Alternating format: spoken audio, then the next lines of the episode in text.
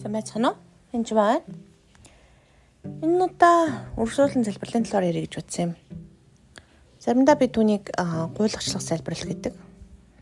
Begging from God англиар бол. Юу гэсэн үг гэхээр бурхан таныг өгөөч ээ, надад туслаач ээ гэдэг залбирал. Хм, энэ чинь тэгээд бурхнаас тушааж авдаг хэрэггүй гэж та нар бодож магадгүй. Тийм бол биш мэдээж. Бурхныг хүн итгэлтэй харьцалгүй яах вэ? Тэгээ бурхны өгнө гэсэн амжилтан дээр дахин дахин гуугаад байвал гайхал та. Зүгээр надад натаас нэг хүн энэ багчаа библийг өгөөч гэж гуйчилтэй өгцөн байна. Авсныхаа дараа энэ багчаа библийг өгөөч өгчлөлтөө гэл гуугаад тах юм бол би бас гайхна үсттэй. Гэхдээ би чамд өгчихсөн шүү дээ гэж хэлнэ. Энэ залбирлыг би гуулгацсан залбирал гэж хэлдэг.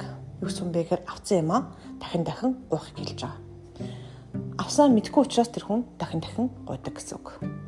Жишээлбэл Иесус Христос ширхаар та эдгэрсэн.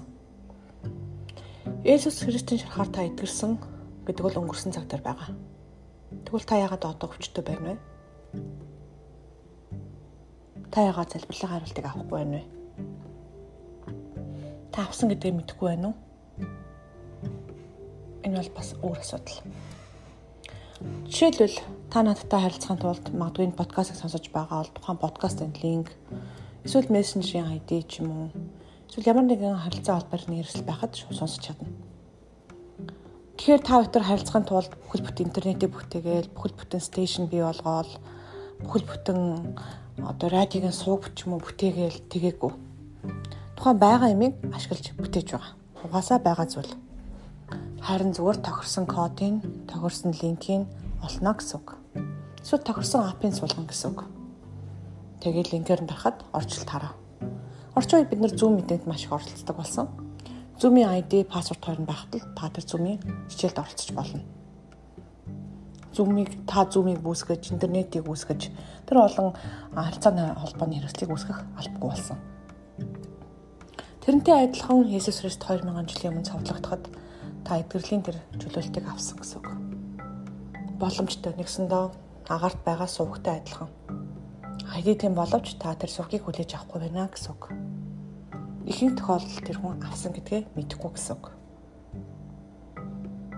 20 дугаарт нь итгэж хүний итгэрлийн болон их мэдлийн залбирлыг бас мэдэхгүй байна гэсэн үг. Тэр их мэдлээ мэдэх талаар би өмнөх подкастууд заасан байгаа. Заавал үзээрэй. Иесус Христосийн нэрийг Бурхан яагаад танд хайртай учраас үнээр та Бурхантай хамт ордог талаар, Бурхны сэнтэд хамт байдаг талаар үзээрэй. Ирэх мэдлээ мэдсэний дараа та үүний зөвхөн дараа шүү. Нуруу чи итгэр, хүл чи итгэшэр, хамар чи итгэшэр, цусны өвчин чи зайл, хор тавдар алга бол зайл гэж залбирахад хэлэхэд л энэ бүхэн чинь танаас нисэн утга болно. Бүгд үнэн. Миний хамар мөрөө байсан талент харж агаад мөрөөгөө харж чадраа хараагүй нүдэ наад харахгүй байжгаад өөр чи харж агаад хамар чи тэгшэр гэж залбирсан. Тэгээ тэр дараа харахаасаа жаахан имээсэн л дээ. Болохгүй ани яана гэж бодсон баг л та би. Өөр юм хийж байгаа дараа нь хамраа харсан чинь хамар тэгшэрсэн байсан. Дараа нь би нуруу чи итгэргэж залбирсан. Нуруу суулттаа, өвдөлтөө, хаалганд орох шаардлагатай. Тэр нь бас хэцүү байсан. Нуруу чи тэгшэргэж залбирсан. Нуурны үе мөч итгэр гэж залбирсан. Нуруу тэр дараа итгэрсэн. Дараа мэд цус алддаг өчтөө бас асуудлууд байсан. Бас л залбирсан. Бас нөгөө нэг зовлон би төрөөс хөтлөө байдаг байсан. Харангуйгаас бас түнс айхаа болсон. Аац чи зайл Иесус Христосийн нэрээр би танараас би яахгүй гэдэр гэж харсан. Чөтгөр нь баг цухтаага талгуулж оцсон. Тэгээд яасан бэ гэж юу? Маргааш нь эрүүл эрүүл болчихсон байсан. Би шатааргүйгээд л баярлаад талархаад л байжсэн.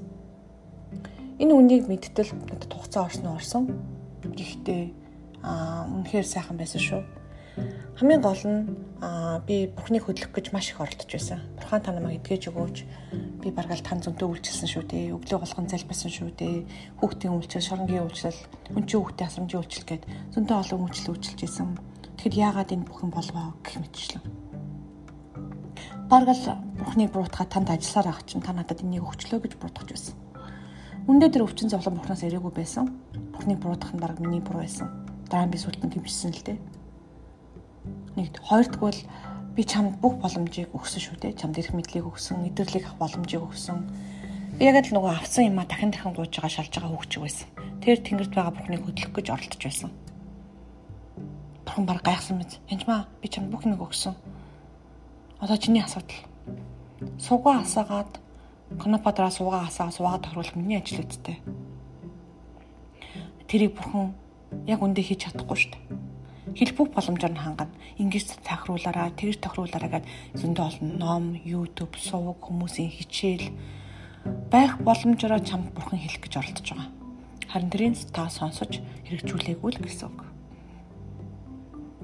Заримдаа зарим хүн идэвхлийг хүлээж авах энгийн алхмыг ерөөсөө хийдэггүй. Ингүүл та идэх юм байна гэж шилдэг.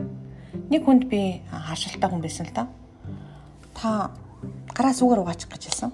Нэг л удаа тэгжсэн л те. Бүх хүнийг сүгээр угаа гэж хэлээ гэсэн үг биш шүү. Тэр хүний хувьд л тэгсэн чинь эн чинь ямар сони юм бэ? Witchcraft юм уу? Эсвэл бөөмөр биш сонин санагдаад би угаахгүй гэж хэлсэн.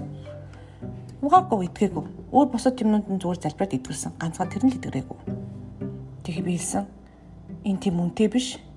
Им хэцүү биш шүү дээ. Та ядаж угаагаад үзнэ үсттэй л гэж хэлсэн. Тэгэхээр заримдаа бид нар зөвлөгөөгөө бас хэрэгжүүлдэг. Тэгээд а Бурхны өгцөн имийг дахин дахин гуйвал Бурхан гайхна. Тийм учраас таны өгцөн юм юу вэ гэж сайн Библиэрээс нэгтэл шалгаж асуугаарай. Баярлалаа.